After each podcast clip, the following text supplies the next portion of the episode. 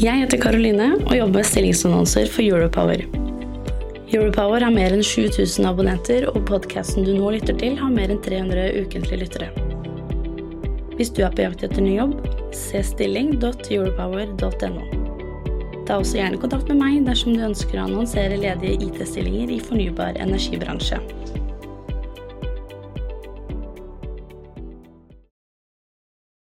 Du lytter til Teknologioptimistene fra Europower Partner. Redaksjonen i Europower har ikke medvirka i denne produksjonen. Join us at the Europower Investor Conference the 19th of March, 2024 in Oslo. The focus will be on understanding and adapting to the recent shifts in investment patterns driven by changing political frameworks. See investor.europower.no for information. Hei og velkommen til podkasten Teknologioptimistene. Jeg heter Skjul Kristian Aamodt og jobber på kommersiell side i Europower. Og med meg i studio i dag så har jeg Peder Gjerman, investment manager i Runway FPU. Eh, velkommen. Tusen takk. Eh, for de av dere som eh, er faste lyttere, og som også deltar på møteplassene til Europower, så kjenner dere kanskje igjen Peder fra paneldebatt på energibransjens IT-konferanse i fjor. Så vi kan vel egentlig si takk for sist, Peder. Takk for sist. Hvem er du? Ja, hvem er jeg? Det er jo det store spørsmålet i livet, det. Vet du det selv? Nei, jeg er jo da jeg, det, det, jeg, vil ikke være en som defineres av jobben, så da må jeg nesten begynne med at jeg er 33 år. Eh, veldig glad i eh, ski og tennis og seiling og det som er aktiviteter. Er det bortoverski eller nedoverski? Begge deler. Avdanket fotballspiller. Jeg kan skryte på meg et NM-gull for juniorer for eh, ti år siden. Eh, men der stoppet det. Eh, I denne sammenheng så er jeg jo da, som du sa, eh, investment manager i eh, Runway FPU. Som vi sikkert kommer litt tilbake til hver.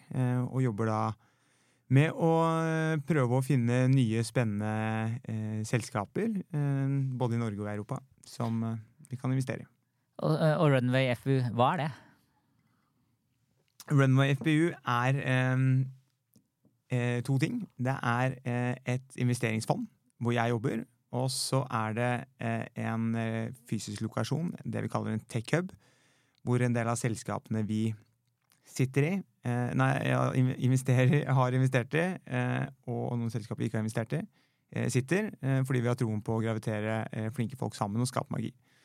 Er det riktig å si at det er ventureselskapet til Kjell Inge Røkke? Ja, så vi, eh, Han er jo en av gründerne, eh, han og Tor Bekkelund, eh, så det er riktig. Og så er vi veldig opptatt av å få frem at vi ikke er en såkalt corporate venture til Aker. For selv om vi på, veld, drar veldig nytte av all den tilgangen og nettverket vi har i Aker, og, og ser på det som en av styrkene våre, absolutt, så står vi også helt på utsiden. Og vi, i vårt tilfelle så tror ikke vi på den tradisjonelle corporate venture-modellen. Og, og hvorfor, ja, hvorfor, gjør eh, Røkke dette utenfor Aker-systemet? Det er jo nettopp fordi da, at uh, man har tro på at i en verden hvor ting endrer seg så raskt som de gjør nå, uh, så er det helt utopisk å tenke at man skal få til all innovasjon internt.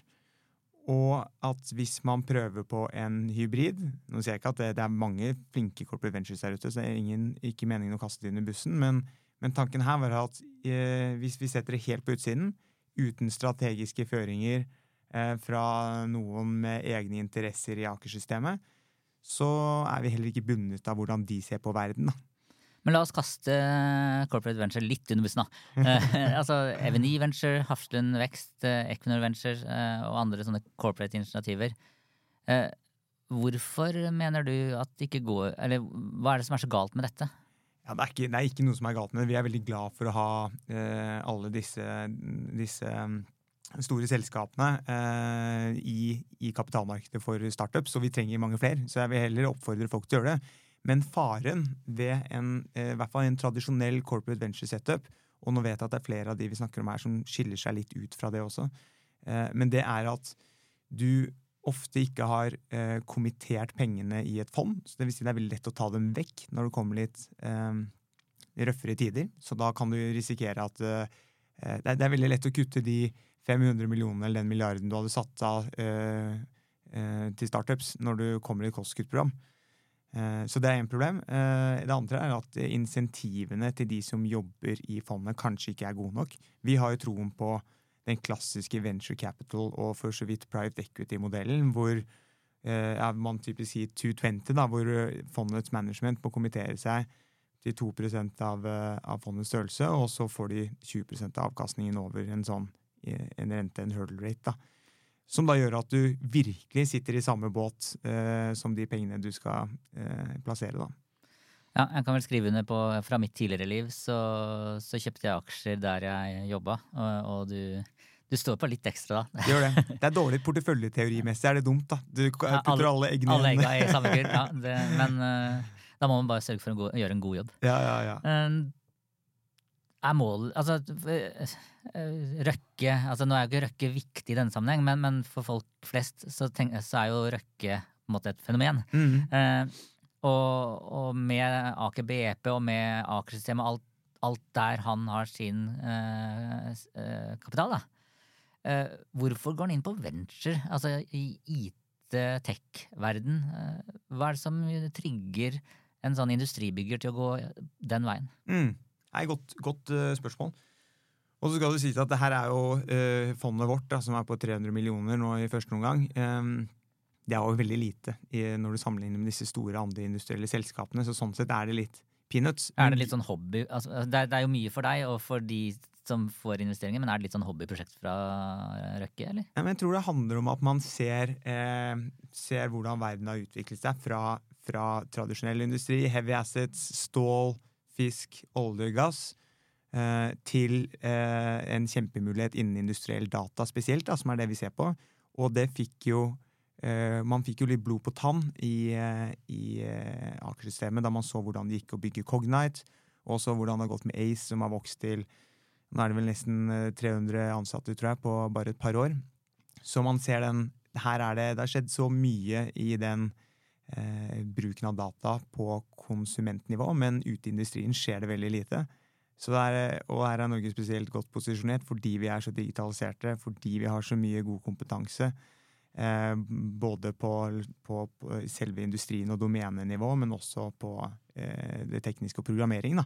At her er det mulighet til å komme inn tidlig og bygge nye kule selskaper. Også på det personlige plan så tror jeg at han han er jo en entreprenør eh, selv. ikke sant? Han har begynt med noe, eh, jobbe på noen fiskebåter og kjøpe noen fiskebåter og, og, jobbe seg opp derfra.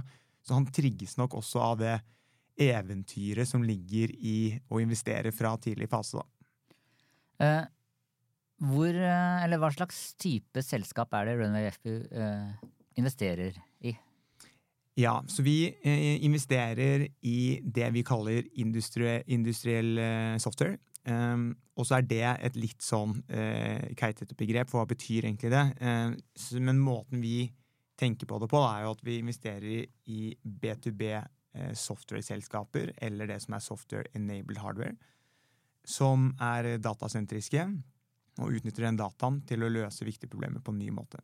Uh, så det kan si det sånn at de aller eh, det, er alt fra uh, et nytt supply chain management-system for en eller annen nisjeindustri til en plattform for, for design og kontroll og overvåkning av kontrollsystemer, til også litt mer klassiske B2B SAS, sånne effektivitetsforbedringsprogrammer, da, som Eh, kan være et CRM eller HR eller sånne type ting. Da. Men så ser dere etter eh, eller sånn som jeg forstått det, så ser dere etter et selskap som også passer inn i Aker-systemet på et eller annet ja. vis. Kan du si noe om altså På ene siden så ønsker dere ikke eh, corporate venture, eh, altså at eh, innovasjonen må skje utenfor Aker. Ja. Men hvorfor er det så viktig med Aker?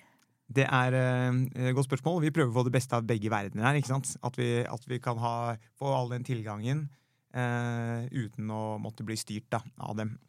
Og Foreløpig har vi fått det, og så får vi se hvordan det går. Men eh, vi, vi håper det går bra. Så tanken er jo at eh, spesielt når du beveger deg inn mot eh, litt mer komplekse industrier, så er det eh, Det er vanskelig å eh, komme inn på For startupene, fra deres perspektiv, så er det vanskelig å eh, komme gjennom, bryte gjennom til de store potensielle kundene i industriselskapene. fordi de fort blir avfeid liksom, gjennom lange liksom, procurement-løp og masse, masse sånne type ting. Og fra selskapene perspektiv så har ikke de kompetanse eller mulighet til å vurdere ting i selskap som er på så tidlig nivå. da. Og når de sitter her, så føler de også ofte at her er vi eh, det, er, det, er, veldig mye enklere å gå for det trygge, eh, det som er bevist at funker, kontra å prøve noe litt nytt. da. Og da stagnerer du. Så det er ikke ønskelig fra de store selskapenes side, og startupene sliter med å komme i gang. da. Så det tror, vi, det tror, vi, at vi kan bridge, i form av at vi kan ta inn Aker som sparringspartner, tidlig krevende kunde, bruke deres nettverk. Og I tillegg så kan vi også gjøre det vi kaller en mer sånn market pull approach, da, hvor vi faktisk går og prater med aksjeselskapene og hører hva er problemene dere opplever i dag. Hvor er det skoen trykker? Og så kan vi gå, bruke det når vi går ut i markedet og ser etter selskaper. da. Så det ikke bare blir en sånn, eh, en sånn uh, greie hvor vi kommer drassende med, med, selskap som prøver å løse noe. Eh, noen fond har en grønn profil. Har dere noen form for profil? Og jeg antar at man fint kan få lov å, ut, å komme med ideer inn mot olja, siden man har Aker-systemet her. Er det noen form for profil hos dere? På bærekraft eller på ja. ja.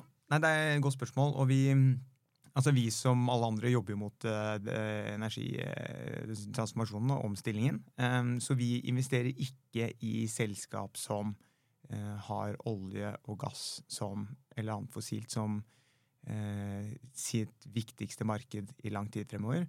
Men, og det her kjenner jo du til også, vi har diskutert det tidligere, vi har veldig troen på at det kan komme mye bra eh, selskap fra oljen. Både folk som har jobbet der, også systemer som har begynt å bli utviklet i oljen. Og hvis vi sammenligner med f.eks. For fornybar energi, da, som har mye lavere marginer og sliter med lønnsomheten, de har ikke noe særlig penger å bruke, så ser jo vi en del av våre selskap da, som f.eks. Eh, selger til noen eh, olje- og gasselskaper nå, men hvor planen helt klart er å, å gå inn i, i havvind eller i, i eh, hydrogen eller andre typer ting. Da. Men vi er ikke så Vi, vi ser litt større på uh, den, den, grønne biten. Uh, så vi tror at det er mer realistisk og mer hensiktsmessig å bruke den kompetansen som er i olje, som et springbrett for, for, å akselerere de andre bransjene. Og så tror vi uh, at det å bygge liksom et bærekraftig samfunn, da, det, det handler ikke bare om sånne de første tingene du tenker på når du snakker om grønne investeringer, med grønn energi og disse type tingene her. Men det handler også om å effektivisere små og store prosesser eh, som ikke har noe med energi å gjøre i det hele tatt. ikke sant? Hvor mange henvendelser får dere i Runway eh, hver uke fra håpfulle entreprenører som ser etter eh, kapital? Det eh, varierer veldig mye, men jeg tipper i snitt så får vi rundt eh, rundt 15-20 henvendelser i uken, tipper jeg. Eh, som er sånn mer eller mindre ikke helt sånn som blir sendt eh, på spam. Uh, og hva, når dere skal vurdere dette uh, det, altså man kan jo, det er ikke gitt at man har noen metrics å, å se etter hvis man bare har holdt på noen måneder. Eller, altså, hvordan vurderer dere case to case da?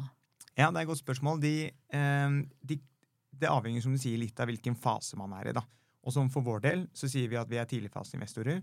Og i praksis så betyr det at vi investerer i alt fra selskap som eh, kanskje nesten ikke har et produkt, men som vi av en eller annen grunn tror veldig på fordi at det er et veldig sterkt team, eller noe, eh, til selskaper som er ganske modne. da. Vi gjorde annet en, en investering i en litt atypisk oss, eh, men i en, det som egentlig var en Serie A-runde i Italia, hvor de hentet eh, nesten 10 millioner eh, euro, som er veldig stort. ikke sant? Og det er klart at når du har et selskap som har holdt på et par måneder, eh, relativt et selskap som har holdt på i mange år, og allerede har eh, titalls millioner i omsetning, så er det veldig forskjellige ting man ser på. Så i starten er det veldig eh, kvalitativt, og da handler det om eh, forstå om eh, det vi, vi, kaller liksom hvor, hvor stor effekt da, eh, har hvor reelt er det problemet selskapet prøver å løse? Hva er PNL-effekten? Er, er, det viktig nok for kundene?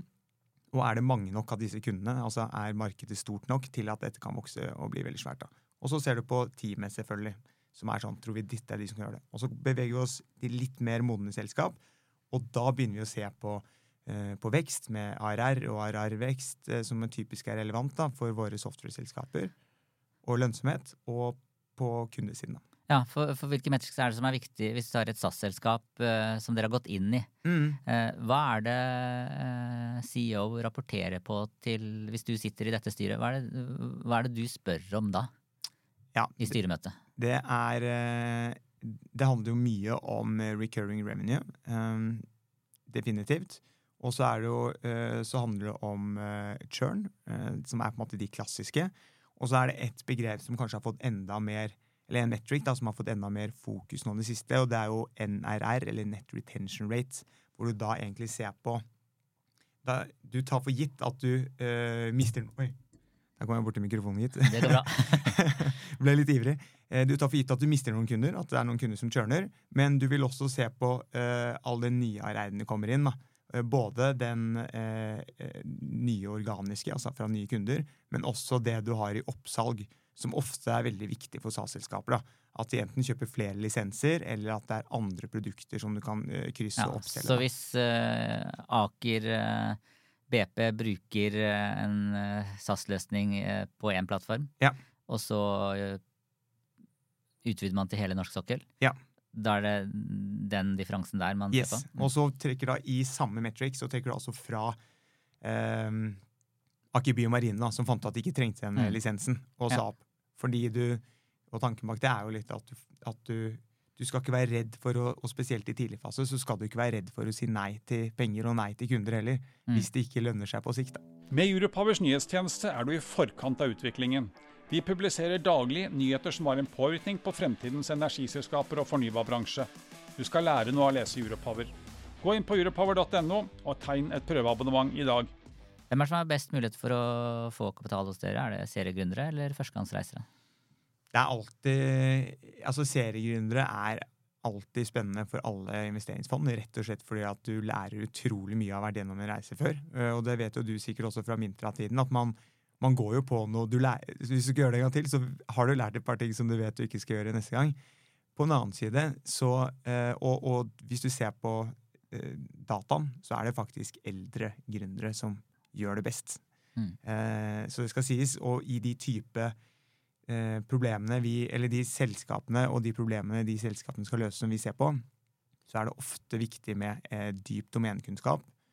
Og det er viktig med et stort nettverk innen, dette, innen sfæren. Og da er det ofte eh, folk med noen år på baken som er de riktige profilene. Når det er sagt, så har vi mange eksempler på det motsatte òg. Og i noen tilfeller så kan det være en fordel ikke sant, å ikke være eh, gått gjennom kjøttkverna i eh, en eh, bransje gjennom mange år, og du ser den sånn som alle andre ser den. Kanskje er det en fordel å komme rett fra, fra NTNU eller annen skole med, med en fresh take. da. Og du henviser jo til Mintra. Det var jo da en forsker, Ivar Viktil, eh, en forsker i Sintef, og to diplomstudenter, altså, som faktisk leverte oppgaven sin, da, Ja. eh, fra NTNU, som starta, starta dette. Så det var kombinasjonen kombinasjon mellom en, en voksen eh, og to helt ferske. Yes.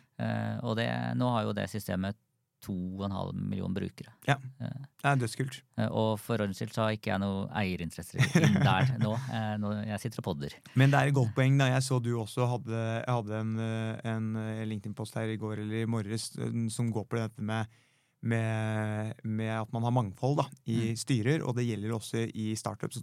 Mintra er et godt eksempel på det. da. Mm. Veldig ofte så ender det med at du, de er veldig like, disse gründerne som kommer inn. Eh, og det kan være en fordel eh, på mange måter. Det kan bli mindre krangling og rett frem, men du får også dårligere perspektiver. da. Så vi ser jo ofte at eh, litt friksjon og litt altså det at du har det er noen selskap som er sånn veldig ingeniør, hvor deler av gründerteamet er veldig ingeniørtunge, og så kommer det inn noen veldig kommersielle. Og det gjør at du, det er litt mer friksjon, går litt tyngre noen ganger, men resultatet blir veldig mye bedre. For du får liksom du får teste ting fra litt flere vinkler. da. Og det var jo det vi gjorde i Mintra, som da var et edtech-selskap. For først så var det bare sivilingeniører. Ja. Eh, og de var helt like. Og de, hadde til og med, de var jo venner på fritiden, og det var kliss like. Ja. Så det ble jo først bra når man fikk inn ekte pedagoger også, som utfordra. Ja. Eh, det holder ikke at knappen virker. Nei, nei, nei. skal lære noe av det. Eh, vi går tilbake til Runway FPU. Hvordan bruker dere AI for å identifisere potensielle case? Eh, for det er jo så mange case som kommer på bordet. Ja. Eh, det er en stor, stor snakkis om dagen, det. altså Data-driven VCs, i mangel på et bedre norsk ord. Men eh, det er jo åpenbart kjempemuligheter for å effektivisere særlig den eh, altså top of funnel-biten av deal-flowen. Um, og så ser vi at eh, det kommer veldig mange verktøy som alle sammen løser litt, en liten bit der og en liten bit der. Og så har alle fond litt forskjellig inngang og forskjellige prosesser og sånn. Så det er vanskelig å finne eh, et, et, et liksom hovedverktøy som funker kjempebra. Men vi eh, jobber med å eh, egentlig bridge alle disse verktøyene da, med vår egen lille altså Ikke noe egenutviklet AI-verktøy på noen måte, men en, en en, hva skal man kalle det, en, en connector da, eh, mellom alle disse verktøyene.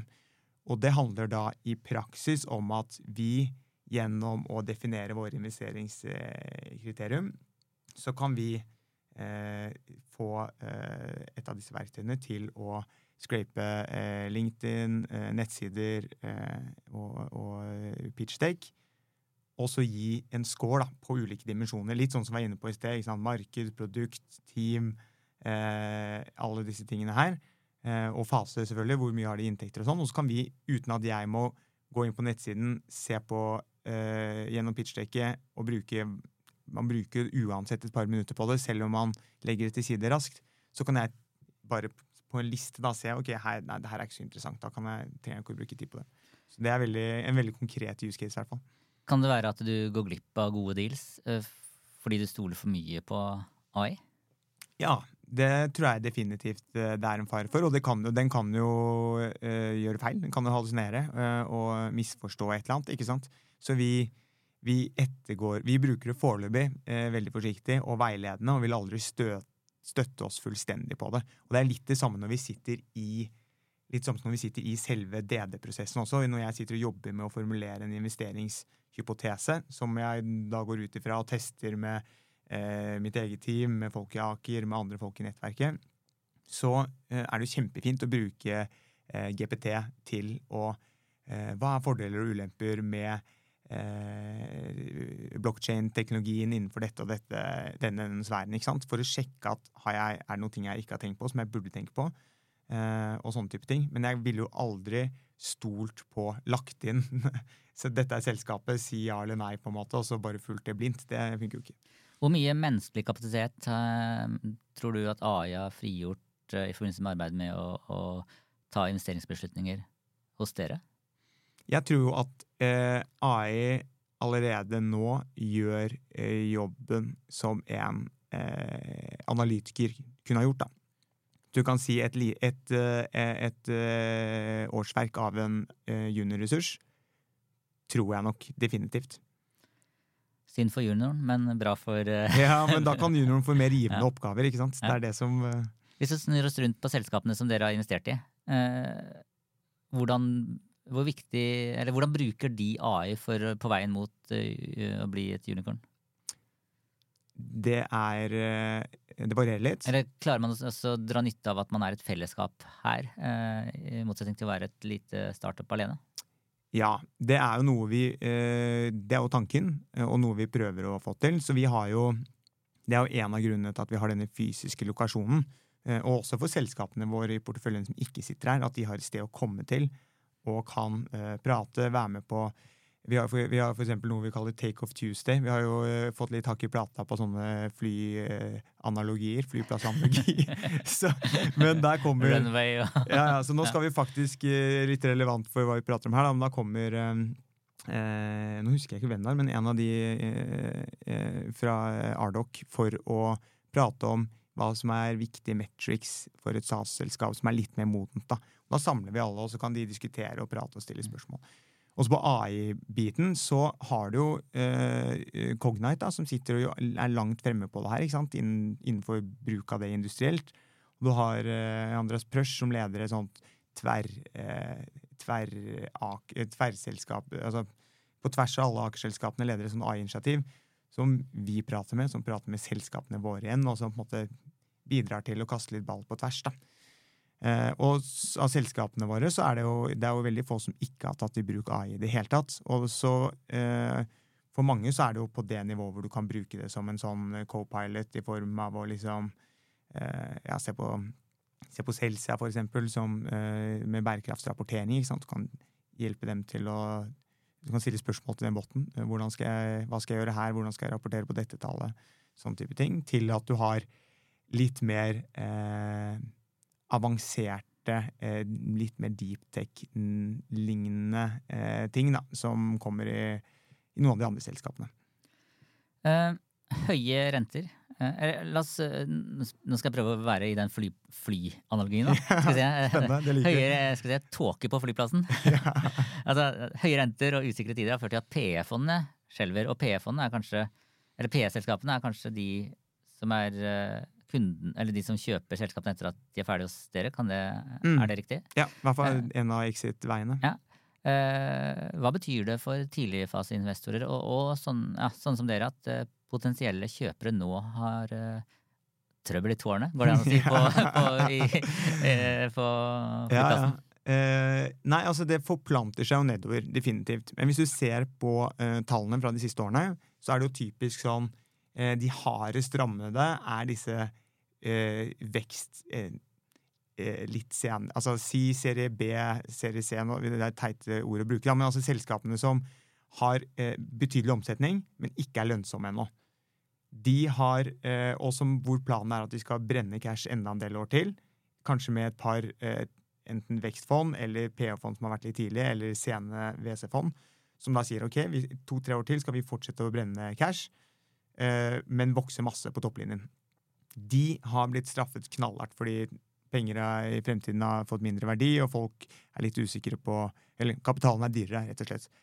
Og så hvis du går bakover derfra, da, i liksom fasene, eh, så er det mindre og mindre effekt. Så der hvor vi er i den tidligste fasen, er jo de som har blitt relativt sett minst rammet da, av disse startup-sfæren. startup, startup-sfæren.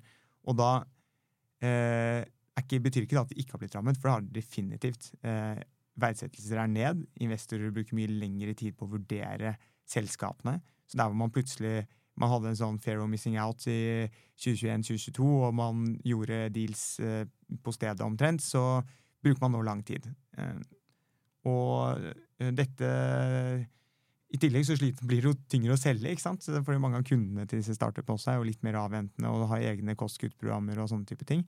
Så det, det, det butter litt på alle fronter. Men da blir det jo litt tilbake til metrics som vi snakket om i sted. Da Da er det jo enda viktigere at du som gründer, og, eh, og hvis du er CEO da, i selskapet ditt, som, som er en veldig krevende jobb, for du skal gjøre 100 ting på en gang. Den med jobben din er egentlig å prioritere. Og hvis du da ikke har kontroll på eh, hvor mye penger du har igjen, hvor mye penger du brenner, når det vi da ofte kaller zero cash date, da, som er Eh, det, som er når du går tom for penger og faktisk må begynne å kutte.